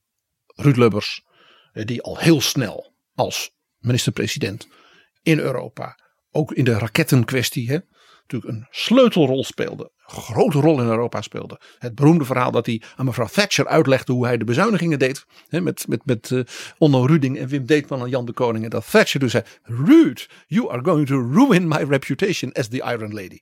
Dat zegt iets. Ja, je moet dus als leider ook wel een idee hebben van wat is Europa en wat wil ik voor Nederland in Europa. Laat staan hoe wil ik omgaan met de rest van de wereld, met China, met Rusland, met de Verenigde Staten. De NATO. De burger laten merken, als u mij uw stem geeft, dan is die stem van u ook te horen op het wereldtoneel. En ook op een effectieve manier. En ik, u kunt op mij rekenen, wat dat betreft. Ja. Soms leidt dat er ook toe dat een Nederlandse premier getipt wordt ook voor bijvoorbeeld de hoofdrol in Europa. Dat is Mark Rutte overkomen. Het is Jan-Peter Balkenende overkomen. Wim Hij Kok werd het ook. niet. Ja. Wim Kok. Ruud Lubbers, nou dat werd zeker een drama. Maar eh, de lijsttrekker van het CDA, Jaap de Hoop Scheffer, werd uiteindelijk secretaris-generaal van de NATO. Ja, hij, hij kwam niet echt door als leider van het CDA, maar de NAVO, dat, dat, dat bereikte hij wel. Ja, dat, en dat paste hem als een handschoen. Eh, een voortreffelijke vent. Ja. Dus dat, dat beeld. Nou, Mark Rutte bijvoorbeeld ook weer bij de laatste Kamerverkiezingen. De VVD stond zwaar op verlies hè, in de peilingen en alles. Maar Mark Rutte bleef uitstralen. Ik ben, ik ben uw minister-president geweest. En iedereen wist, hij is de vriend van Modi, van Angela Merkel. Hij is de vriend van David Cameron. Hij durft tegen Poetin rondom MH17 hè, namens Nederland even. En ook tegen die Erdogan. Hè, toen was die Turkse minister in Rotterdam. Ja, ik herinner me ook een campagnefilmpje waarin je hem eigenlijk voornamelijk zag praten en handen schudden met de grote leiders van de wereld. Er zat weinig tekst in. Met Rutte telt Nederland mee. En met Rutte telt uw stem als Nederlander dus ook mee. Die hoort de wereld dan. Heb je een voorbeeld buiten Nederland? Ja, de naam viel al een keer eerder. Richard Nixon in 72. Hè, hij ging naar Peking met de, bij de oude Mao op bezoek. Een land dat ze niet erkenden. Communiste China. Om je een idee te geven. Hij ging naar Moskou als eerste Amerikaanse president om een Brezhnev. wapenverdrag te, te tekenen met Brezhnev. Richard Nixon kon na die vier jaar tegen de Amerikanen. Hij zorgde dus voor doorbraken op het diplomatieke toneel. Op het wereldtoneel. Dus ontspanning, het détente zoals men dat heette. Maar ook eh, ondanks de Vietnamoorlog, ja, dat de Chinezen en de Russen met hem wilden praten. Oftewel, het was duidelijk, president Nixon werd door de wereld buitengewoon serieus genomen. Arme George McGovern, zijn tegenkandidaat, de senator van South Dakota, een staatje met waar bijna niemand woont. Gold ook gek genoeg gezien wat er over hem gezegd werd toen hij aantrad. Het is een, maar een acteur. Ronald Reagan. Absoluut. Die had dat ook. Ronald Reagan, die straalde zeker bij zijn herverkiezing in 84, die straalde uit. Hij was de wereldleider. En dat idee, het is maar een acteur, dat is iets echt Europees van cowboyfilms en B-films. Ronald Reagan was acht jaar lang de gouverneur geweest van de grootste staat in Amerika. Dat als het een onafhankelijk land was, zat het in de G8 Californië. En als je dat kunt, dan kun je wat. En dat wisten de Amerikanen wel degelijk. Dat hier in Europa zo werd gekeken, dat zegt vooral iets over ons. Ik ben nog een mooi voorbeeld natuurlijk, Margaret Thatcher. Oh ja. Na de Falklandoorlog. Ja, dat was natuurlijk, ja. Hè, zij was de opvolger van koningin Elisabeth I. Hè? Zal ik maar zeggen, die de armada had verslagen. Ja, ja, ja, was dus heel erg voor binnenlands gebruik. Want eh, eh, wereldwijd, wij zagen natuurlijk dat de Falklands, dat was een klein groepje eilanden met een paar schapen. Ja, maar de Empire Strikes Back. Ja. Wie in Nederland moet... En, en natuurlijk dan Monsieur Delors. Hè? No, Monsieur Delors. Dat, dat Thatcher straalde uit met mij telt Engeland weer mee. Welke Nederlandse leider moet die wet Nederland telt met mij weer mee nog even goed internaliseren en kijken hoe die dat wil vormgeven? Lodewijk Asscher. Want? Nou, als de PvdA iets internationaals doet, dan heb je daarvoor eh een eh, Timmermans. Ja, hij moet dus eh, ervoor waken dat hij het te veel aan anderen overlaat. Nou ja, hij heeft ook als vicepremier zich nooit op die manier zeg maar, ontwikkeld. Nee, ik herinner me wel een, een, een opinieartikel, dat heette Code Oranje. En dat pleitte ervoor om mensen uit Oost-Europa ja, niet zomaar in Nederland te laten werken. Want ja, dat eh, zorgde weer voor gedoe op de Nederlandse arbeidsmarkt. Dat is eerder een, een wat afstandelijke houding eh, ten opzichte van Europa bijvoorbeeld. Ja, dat is een apart soort sociaaldemocratie. Nou, eh, je hoort dat ik zoiets heb van. Ik ben dus benieuwd dat als Asscher zegt: Ik wil uw minister-president worden. Hoe hij dan met die negen zetels die hij nu heeft. Dat zo gaat doen dat je zegt: Ja, en als Lodewijk die, die verkiezingen gaat winnen. Dan weten we dat we in Nederland iemand hebben. die staat voor dingen ook op het wereldtoneel. Hij zou weten dus, we nu niet. Hij zou dus eigenlijk initiatieven moeten nemen samen met de Spaanse premier en de Portugese premier. Whatever. Of met Olaf Scholz. Het enige die die ontvangen heeft, die ik me kan herinneren, is Jeremy Corbyn. Nou, het is voor mij geen eh, pluspunt op dit eh, terrein. Les 9. Laat je schoppen. Laat je schoppen? Wat is dat nou? Je moet als leider mensen om je heen hebben die er niet voor zichzelf zitten, maar die zitten er voor jou, voor de club, voor je ideeën en die doen niet anders dan jou schoppen. Organiseer tegenspraak. Juist. Mensen die slimmer zijn dan jij. Een echt goed leider vindt het leuk om voortreffelijke mensen om zich heen te hebben die slimmer zijn dan hij. Mag ik eens een voorbeeld uit het buitenland op dat ge- op het punt geven? Ja. George Bush junior. George W. Ja, die had mensen om zich heen als Condoleezza Rice. Die had mensen om zich heen als eh, Colin Powell. Waarvan hij onmiddellijk de eerste was om te zeggen, die zijn ongelooflijk veel begaafder en intelligenter en dit en dit dan ik. Dat is knap. Als je dat kunt. Dus zorg om je heen mensen die jou schoppen. En dat doen dus vanuit volstrekte loyaliteit aan jouw ideeën, aan jouw partij en misschien ook wel aan jouw persoonlijkheid. Heel mooi voorbeeld daarvan is een naam die heel weinig mensen kennen. Ries Smits. Dat was de campagneleider en partijsecretaris. Ze bent ook directeur van het partijbureau van het CDA in de tijd van Lubbers. Lubbers had hoge achting voor Ries Smits. Ja, ik Ries ken- Smits was een, kon Ruud Lubbers spijkerhard aanpakken. Ja, als je hem zag, Ries Smits. Ik, ik, ik maakte hem vroeger wel eens mee. Dan was het een beetje een, een doorknoper. Iemand die wegviel in het decor. Heel goed dus. In zijn rol. Maar iemand die dus zeer goed kon organiseren. En waar dat nodig was, dus ook zeer kritisch kon zijn ten opzichte van Lubbers. En Lubbers die had dus hoge achting voor deze man. Heel interessant hè.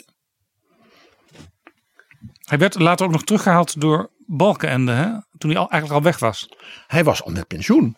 En toen was de, de hoop Scheffer zeg maar, ten val gekomen als CDA-leider. En de campagneleider van de hoop Scheffer, ene Jack de Vries, werd ook afgezet. En toen heeft Balkenende in de partijtop van het CDA hebben toen Ries Smits gevraagd. Zou jij nog het één keer het kunstje willen doen en de campagne willen leiden? Want ja, die Balkenende is nu. Niemand kent die man. Eh, die verkiezingen, dat wordt misschien wel een drama. Nou, je weet. Een van de meest spectaculaire verkiezingsoverwinningen in de geschiedenis. Ja, ja. Laat je schoppen. Ja. Nog een voorbeeld. Ja. Alexander Pechtold. D66. Ja. Die had om zich heen bijvoorbeeld zo iemand als Annelou van Egmond. Niet voor niks de campagneleider voor heel Europa van de liberalen. Ja, interessante vrouw. Zij is ooit begonnen voor de ouderen partijen. Er was al een, zo'n golfje oudere partijen. Iedereen heeft recht op, op, op jeugdzonde. Zullen we maar zeggen. Maar Annelies van Egmond is dus zo iemand die zo'n lijsttrekker, eh, als dat nodig is, aanpakt. Ja, ook iemand die je eh, meestal ergens aan de zijkant ziet staan op, op openbare bijeenkomsten. Die soms nog even een papiertje in handen duwt of juist een papiertje weghaalt bij de lijsttrekker. Ik zal één moment niet snel vergeten. Dat was het afscheid van Alexander Pechtold in de Tweede Kamer. In de oude zaal. De oude zaal. Het was ongelooflijk druk. Daar sprak namens de collega's eh Arie Slop. Ja. En Mark Rutte sprak. En dat deed hij ongelooflijk goed en leuk. Dat kan hij ook heel goed. En toen moest natuurlijk namens D66 de nieuwe leider spreken. Rob Jetten. Die, wie stond er naast Rob Jetten? Van Egmond. En wat gebeurde er op het moment dat Rob Jetten dus naar het spreekstoel trad, kreeg hij zijn speech in de handen gedrukt door Annelou van Egmond. En ik als politiek beschouwer dacht toen, ik weet genoeg. Jij dacht, eh, deze man, daar moeten we op gaan letten op deze Rob Jetten. Als hij zich laat adviseren en zij blijkbaar ook op die manier dus vertrouwen in hem heeft. Want dat, ja, We zullen er de komende weken extra naar kijken wat er gaat gebeuren rondom Rob Jetten.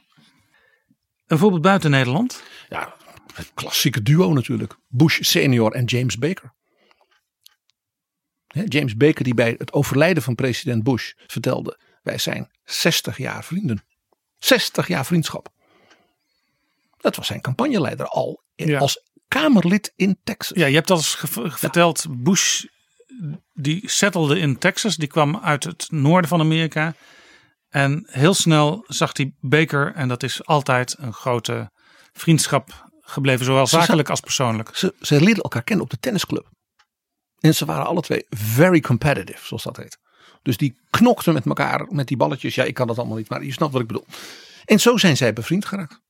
En Baker was dus ja, zijn campagneleider, zijn minister van Buitenlandse Zaken. Als vicepresident heeft hij ervoor gezorgd dat Baker de chef-staf van het Witte Huis werd van Reagan. Hij was geen Reagan-man. Maar hij was zo goed dat Reagan zei: Ik neem die James Baker. Ja. Wat ook heel knap was, James Baker bleek in staat te zijn om te kunnen gaan met Nancy Reagan. Dat was een prestatie. En dat was dus zo iemand die dienstbaar aan hun president, of in dit geval aan Bush, de vicepresident, later de president, als vriend. En dus ook zo iemand de waarheid kunnen zeggen. Ja, ik weet nog een voorbeeld, PG. We hebben het eigenlijk niet zo vaak over hem. Dat, misschien moeten we dat toch eens een keer doen. Wat uitgebreider. Tony Blair, die had ook een paar mensen om zich heen. Alistair Campbell en Peter Mendelssohn. En Peter Mendelssohn was zeg maar zijn, van Blair, het, zeg maar, het politiek intellect. En Campbell was de mediaman. En zeer grof in de mond. Ja. Daar is hij beroemd om. ook. Ja, en eh, daar moet je dus ook wel mee oppassen. Want die mensen, die twee, die werden ook wel in, in, in Westminster werden ze gehaat. Ja, een beetje zoals die Dominic Cummings nu. Ja. Ja, dus ze moet, het moet vooral via die leider lopen. En ze moeten zelf niet te veel eh, in de gaten lopen. Dat was een beetje het probleem, bij- met name bij Mendelssohn. Overigens, ook weer even voor onze lieve luisteraars. Lees de dagboeken van Alistair Campbell. Want hij was niet alleen grof in de mond eh, in de media en tegen journalisten. Maar ook in zijn dagboeken is hij spijkerhard en heel eerlijk. Ja. Ook over zijn eigen fouten. Over hoe die zich af en toe zo ongelooflijk kon ergeren aan Blair. Over de haat van Tony Blair en Gordon Brown. De twee leiders van de Labour-partij. Het is smullen als je daarvan houdt. En als je eh, programma's als Newsnight eh, volgt of de Andrew Marr Show op eh, zondagochtend, allebei BBC-programma's, dan mag je je soms verheugen in de komst van Alistair Campbell of Peter Mandelson. En je leert er altijd iets van. En Campbell is eh, een enorme anti-Brexiteer. En dat is natuurlijk heel mooi van hem. Laat je schoppen. Wie moet er daar extra aan denken, die bereidheid te hebben? Eh, we hadden het al even over Wopke Hoekstra. Kijk, hij, wordt, hij is in zekere zin uit het niets. Ja? Eh, Bijna niemand kende hem als Eerste Kamerlid van het CDA. Dat men in het CDA wist, dat is een briljante jonge vent. Ja, tuurlijk. Beste jongetje van de klas. Eh, Letterlijk. Hè? Bij Minerva en zo. En, nou, dus ja, als die nu het CDA-lijst gaat trekken. Dan moet hij dus mensen om zich heen hebben die niet alleen maar eh, bewonderend eh, naar hem opkijken. Nou ja, hij heeft natuurlijk Jitske Haagsma, hebben we al eens in onze aflevering over de Carolines genoemd. Oh ja. Dat is zo iemand. Ja. Zo iemand is dus goud waard. Dat is een soort, nou ja, zeg maar de Annelou van Egmond van het CDA. hè, Zal ik maar zeggen. Dus zo iemand, en dan, je moet je dus laten schoppen. Dat moet je willen. Ja. Heb je nog, nog een voorbeeld? Ja, we, hadden, we hadden het al even over eh Rob Jetten. waarvan ik kon waarnemen dat hij zeg maar eh, adviseerbaar is. Nou, eh, ik zeg maar, het brein van Rob Jetten zeg ik altijd een beetje spottend is Felix Klos. Bekend ook uit betrouwbare bronnen. Eh, nou, als hij dat soort mensen om zich heen weet te scharen. En daar zich ook door laat, nou ja, laat zeggen. Dat is, een, dat, is, dat is een recept voor goed leiderschap. En natuurlijk eh, Thierry Baudet. Paul Cliteur misschien? Nou ja, kijk, hoe Baudet is omgegaan met een man als Henk Otten. Die toch ja, maar eigenlijk met hem die partij gemaakt heeft. Dat voorspelt weinig goed, zeg ik dan. Vanuit Ja. dus deze wetsmatigheden. Ja, iedereen wist, Henk Otte is eigenlijk de steunpilaar van eh, Thierry Baudet. Henk Otte is de man die alles regelt en organiseert op de achtergrond. Die laat die partij functioneren en plotseling werd hij opzij gezet. Maar Henk Otten zorgde voor de creditcard voor de vakanties van de heer Baudet. Op kosten van de partij. Dus ja, dan ben je toch bijna onmisbaar als adviseur.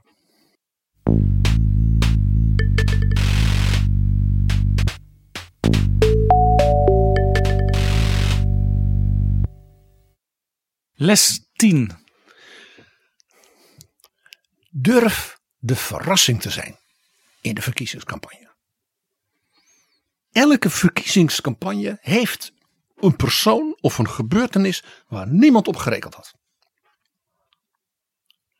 En als jij lijsttrekker wilt zijn en je hebt die wielen zur macht en je bent dus niet, niet al te gewoon, daar hangt mee samen. Ik durf het aan om iets te doen of iets te zeggen of iets te, uit te stralen waarvan iedereen zegt, oh, dat moet je durven. Daar is dus een beetje lef voor nodig. Fons van der Stee, de minister van, van Achtheid. Wat dit land nodig heeft is lef. nou, Ja. Dat is wel zo, ja. Wat nodig is, is love, zei de Cotenby toen. Eh, dat is sowieso nodig, altijd. Durf de verrassing te zijn. Dat, dat heb je niet altijd in de hand. Hè? Dat gebeurt soms ineens. Heb je voorbeelden? Ja, het voorbeeld natuurlijk van de voorbije, nou ja, misschien wel 50 jaar, is natuurlijk Jan-Peter Balkenende. Dat hoef ik verder niet toe te lichten. Die kwam eigenlijk Uit het niets. Iedereen was gefocust, tenminste de media waren heel erg gefocust op Pim Fortuyn. En Jan-Peter Balkenende werd de minister-president. Ja. Nou ja, die won de verkiezingen. Met afstand. Het verhaal over die focus op Fortuyn en het verhaal van Balkenende. eh, ik zou bijna zeggen, nog even geduld als mijn boek klaar is over zeg maar, de Balkenende jaren in het CDA. Want ik ga daar een aantal dingen, eh, laat ik zeggen, nog eens even laten zien. En dat er een heel veel dingen mensen zich dus herinneren die gewoon niet waar zijn. Ook op dit punt. Nog een voorbeeld? Eh, Jan Marijnissen. In 2006 kwamen er verkiezingen. En volgens de kenners zou Wouter Bos misschien wel 60 zetels halen. En dus Lubbers verslaan als meest populaire lijsttrekker ooit.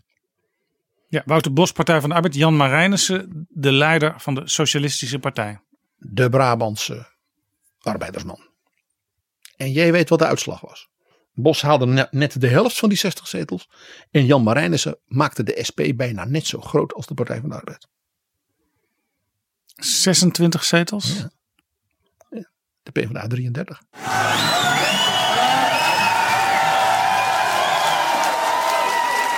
Jongens en meisjes, eh, jongens, jongens en meisjes, dames en heren, van harte gefeliciteerd.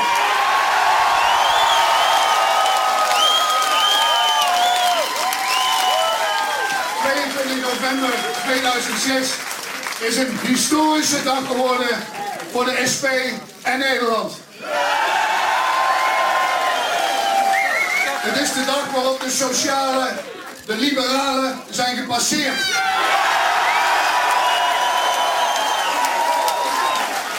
Het is de dag waarop we de derde partij van het land zijn geworden.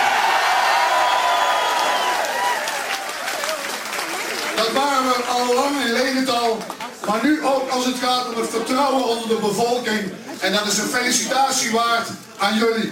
Dat is, dat is een felicitatie waard aan al diegenen die dat hebben mogelijk gemaakt. Nederland heeft ervoor gekozen dat het menselijker en socialer moet in dit land. Nou, als je daar zeg maar, bij een wetbureau geld op had ingezet. Dan had je een smak verdiend. En eh, daar had je dus de partijkas van de SP ook flink mee kunnen spekken. Nou, die werd toen wel flink gespekt. Doordat ze allemaal gekozen ineens hadden. Ja. Want Je weet hoe dat daar gaat. Ja. Nou, een heel mooi voorbeeld is natuurlijk Hans van Mierlo in 1994. 1994 was de, de opmaat naar paars. Ja, dat wisten ze toen niet. Niemand ging ervan uit dat er een paars kabinet zou komen. Dat D66 zoiets hoopte, tuurlijk. Maar Wim Kok ja, verloor fors met de Partij van de Arbeid. Elko Brinkman verloor nog veel erger met het CDA. CDA. En Hans van Mierlo kwam als het ware tussen die twee omhoog. Van Mierlo was toch eigenlijk al een klein beetje afgeschreven politiek. Ja, het was ook al de tweede periode dat hij de leider was. Hè. Daartussen heeft Jan Terlouwer gezeten en nog een aantal anderen. Precies, en hij was, eh, nou, zijn gezondheid was niet geweldig. En het, nou, een beetje afgeleefd. Ik zeg het maar onaardig, maar dat was toch wel zo. En hij kwam ja, met enorm veel energie. En haalde een heel goed resultaat. En door die uitslag kon hij de Partij van de Arbeid en de VVD min of meer dwingen. Want Kok wilde dat helemaal niet. Dat weten wij van Manees Krok. Tot een kabinet, wat we dan paars gingen noemen. Ja, hij dan, was ben je dus de, dan ben je dus zo iemand die zegt: Ik heb het gedurfd de verrassing te zijn. zijn 24 zetels die waren eigenlijk onmisbaar om een werkbare meerderheid te vormen. Dat is wat ik noem durf de verrassing te zijn. Heb je een voorbeeld buiten Nederland? Ja, een mooi voorbeeld natuurlijk Willy Brandt. De Duitse eerste SPD-kanselier van de Bondsrepubliek in 1969. Die won bij die verkiezingen heel mooi. Maar hij was niet de grootste partij. Dat was de CDU van kanselier Kiesinger. Ah ja. Die die avond een prachtige uitslag haalde. En Kiesinger, die zit dus in dat bureau in Bonn van het kanslerambt. Wordt van alle kanten vanuit in zijn partij gefeliciteerd met deze prachtige uitslag. En ziet op de televisie Willy Brandt een aanbod te doen aan de leider van de FDP, Walter Scheel. En Walter Scheel zegt: Ik ga morgenochtend in het partijbestuur voorstellen dat wij Willy Brandt gaan verkiezen tot kanselier. hey, dat was ineens een verrassing voor Kiezingen. Daar waren ze volstrekt niet op geprepareerd. Zij dachten over zichzelf: wij zijn de machtspartij, wij hebben niets te vrezen. We zijn de grootste. Ze hadden die verkiezing, had een prachtige uitslag. Alleen, Willy Brandt had net ook een hele mooie uitslag. En het was net genoeg voor een coalitie met de wat progressievere liberalen van Walter Scheel. En Willy Brandt was dus een grote verrassing. Dat zegt s'nachts om kwart voor twaalf. Was dus duidelijk dat Willy Brandt de volgende kanselier zou zijn. Dat is een heel mooi verhaal. Kiesinger zat dus in zijn bureau. En dat, dan zie je ook hoe, hoe dat is. Hè? Als iemand de macht kwijt is. Niemand is nog gekomen. Op één iemand na. Helmoet Kool is toen naar het kanselambt gegaan. En heeft met Kurt Kiesinger een mooie fles Riesling gedronken. En Kiesinger was volstrekt, die was kapot.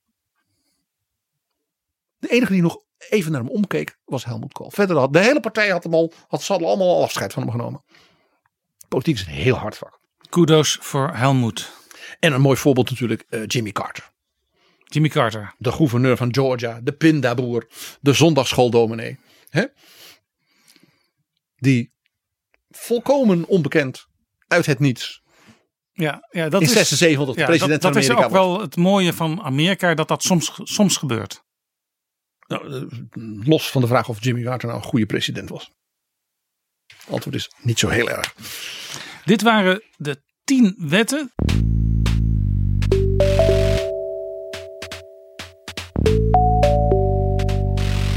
Voor wie in Nederland is deze les, durft de verrassing te zijn, een aansporing? Henk betreft. Otten. Henk Otten. Ja. Henk Otten moet gewoon een lijst. Go, go, go. Je Moet hij die ook zelf leiden? Of waarom ook niet? Trekken? Waarom ook niet? Hij zegt dat hij op zoek is naar een vrouw. Ja, dat zijn wel meer mannen die dat doen. Eh, we we hebben het al even genoemd. Rob Jetten. Rob Jetten moet het durven de verrassing te zijn. Hoe kan hij dat doen dan? Door gewoon het soort kiezers dat zeg maar aangesproken kan worden door zeg maar, het, mag ik zeggen, wat liberaal seculiere denken van D66. Om die gewoon met inhoud te overtuigen. Door gewoon goede verhalen te houden. We hebben een keer een gesprek met hem gehad. We waren daar samen bij. eh, de Kerdijk lezen. Ja.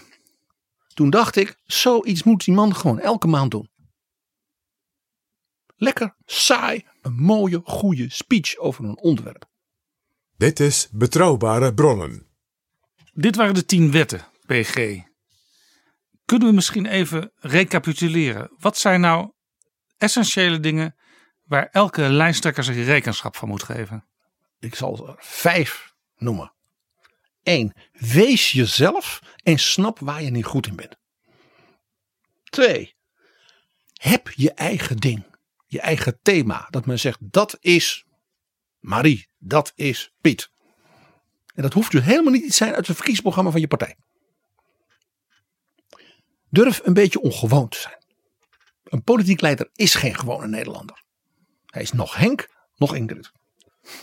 En ken je klassieken. Weet hoe dingen in de politiek gaan, al eeuwenlang.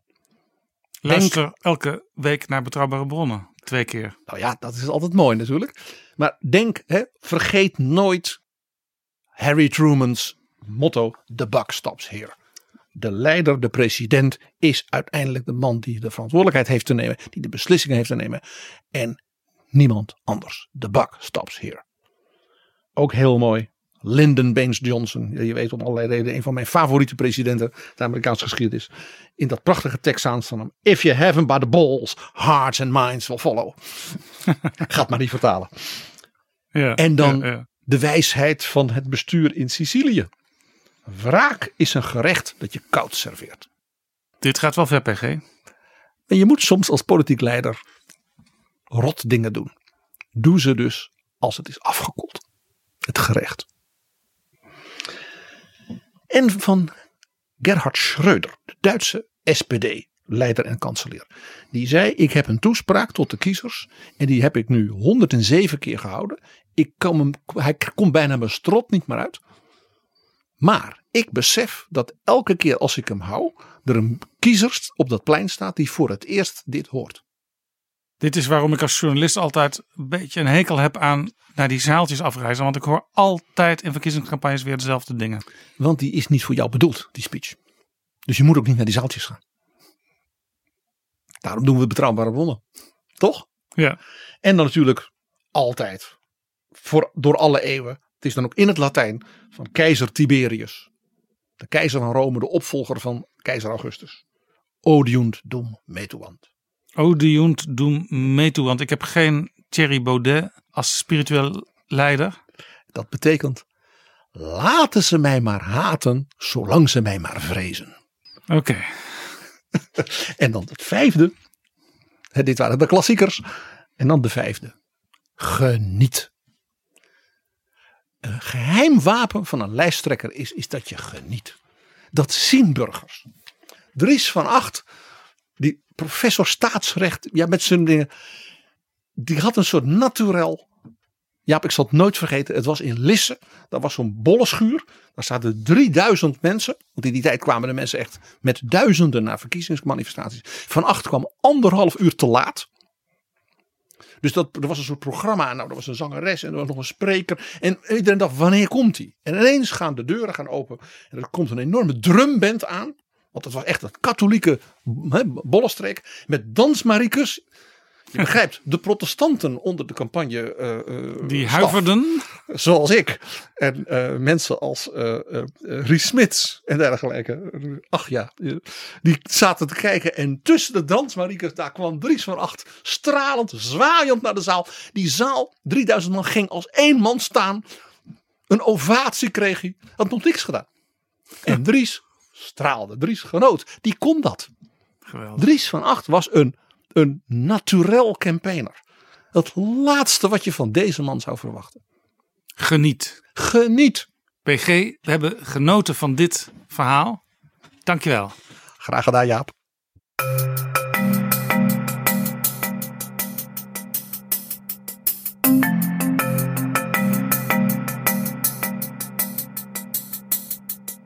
Zo, dit was aflevering 117 van Betrouwbare Bronnen. Deze aflevering is mede mogelijk gemaakt door We Nederland. En ook door donaties van luisteraars. Want je hebt het misschien aan het begin al gehoord. Je kunt nu vriend van de show worden. En als je wil ons ook een kleine of iets grotere donatie geven. Wil je meer weten? Ga naar vriendvandeshow.nl slash bb. En daar kun je ook reageren op deze aflevering. Tot de volgende keer. Betrouwbare bronnen wordt gemaakt door Jaap Jansen in samenwerking met dag en nacht.nl.